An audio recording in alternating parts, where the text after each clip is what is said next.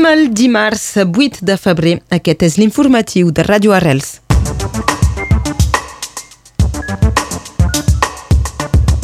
La prefectura declara la desviació de Marquixanes d'utilitat pública al sector nord.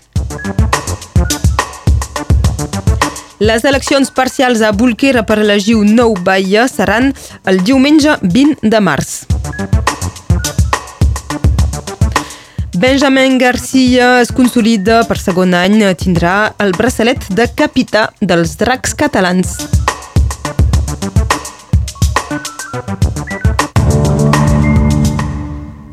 Estabilitat de les xifres lligades a la Covid a Catalunya Nord, amb 257 pacients hospitalitzats positius, dels quals 22 es troben al servei de reanimació. Aquest dilluns, dues persones suplementàries han mort amb Covid a Perpinyà. La taxa d'incidència continua baixant, amb 2.242 casos per 100.000 habitants contra 2.356 el dia precedent. En canvi, la situació de les urgències a l'Hospital de Perpinyà continua preocupant els treballadors aquest servei ja fa molts mesos que és desbordat amb moltes hores d'espera per als pacients que hi van. La desviació de la carretera 116 al nivell de Marquixanes eh, pel nord es concreta. La prefectura valida el projecte qualificant-lo d'utilitat pública malgrat l'opinió desfavorable del comissari encastador. A partir d'ara hi ha cinc anys per començar les obres i doncs per arribar a acords per les expropiacions necessàries a la realització d'aquesta desviació.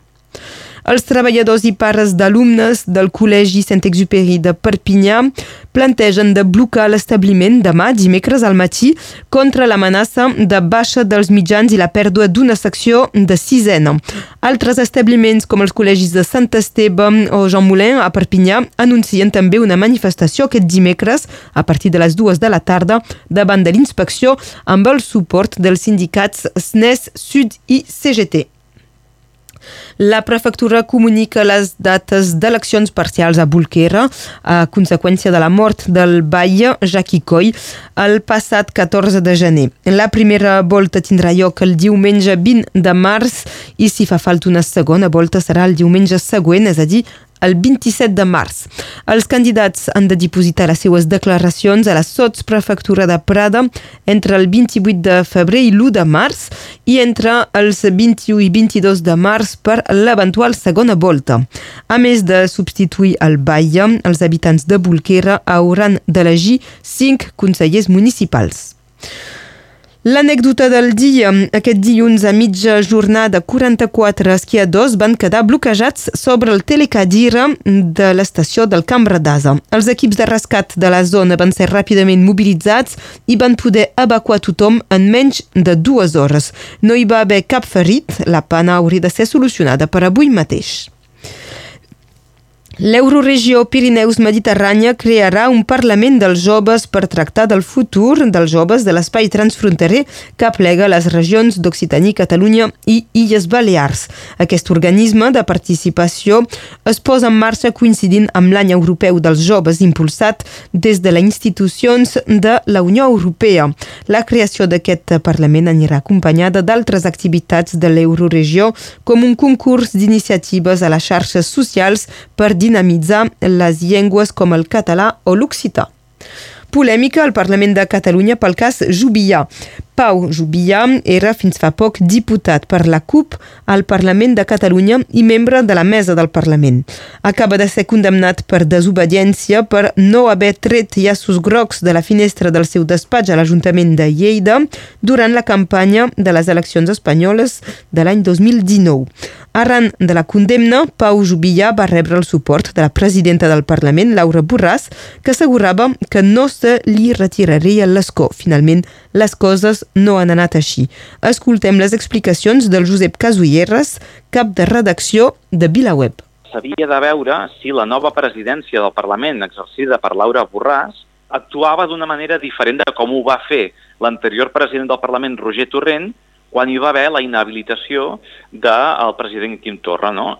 La Junta Electoral Espanyola, amb el president Torra, quan hi va haver la sentència del Tribunal Superior de Justícia de Catalunya, va ordenar que se li retirés immediatament la condició de diputat, tot i que no fos una sentència ferma. quan va arribar l'hora de la veritat, i l'hora de la veritat va ser que el Tribunal Suprem va desestimar el recurs del president Torra, el president Torrent va acceptar o va admetre d'alguna manera que se li fos retirat l'escó al president Torra i això va originar una gran crisi. Laura Borràs va dir que actuaria d'una manera diferent, però al final hem vist que ha acabat passant exactament el mateix, i és que la Junta Electoral Espanyola va ordenar que a Pau Jubillà se li retirés immediatament l'escó i Laura Borràs, que d'una manera conjunta amb totes les forces independentistes, fins al moment d'arribar a aquesta ordre, havien anat repetint que defensarien l'escó de Jubillar, que eh, defensarien la sobirania del Parlament, però quan ha arribat l'hora de la veritat, la secretària general del Parlament, els funcionaris del Parlament, no volen incórrer en possibles causes de desobediència contra ells i aquests funcionaris han dit no, no, nosaltres fem cas de la Junta Electoral Espanyola i, per tant, aquest uh, diputat perd la condició de diputat. I, clar, i això ha caigut com una llosa. Eren les uh, explicacions del periodista i cap de redacció de VilaWeb, Josep Casulleres. Uh, per aquest fet, Laura Borràs, la presidenta del Parlament de Catalunya, no pensa dimitir. Assegura que va fer una proposta de resposta de resistència col·lectiva i de país, però que no va ser acceptada per l'independentisme, particularment pel president de la Generalitat. Multiplicació de reunions per salvar la situació a Ucraïna. A Moscou, Vladimir Putin i Emmanuel Macron s'han reunit aquest dilluns al vespre. El president francès ha dit que és conscient de la situació político-militar i ha apel·lat a la responsabilitat de tots els actors implicats en la crisi. Putin s'ha compromès a fer tot el possible per trobar un compromís i ha advertit que, en cas de guerra entre Moscou i l'OTAN, no hi haurà vencedors. Passem als esports, comencem pel rugby a 13. Aquest dijous la temporada Superliga reprèn i l'entrenador dels dracs catalans ha anunciat que enguany el capità de l'equip seguirà sent el Benjamin Garcia com la temporada passada. En futbol, el Barça i Spotify podrien anunciar la seva col·laboració en forma de patrocini avui mateix. L'acord amb l'actual sponsor de la samarreta del Club Blaugrana, Rakuten, s'acaba al mes de juny.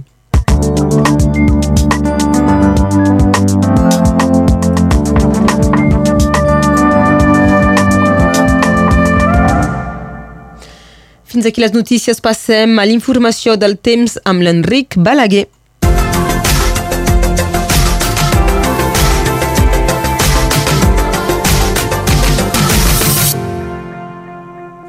L'anticicló és instal·lat de nou i tenim encara avui un ambient assolellat.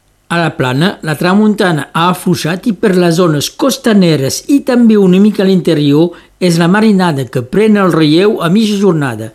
I com no hi ha cap formació de núvols entre la península italiana i el golf del Lió, no tenim entrades marítimes.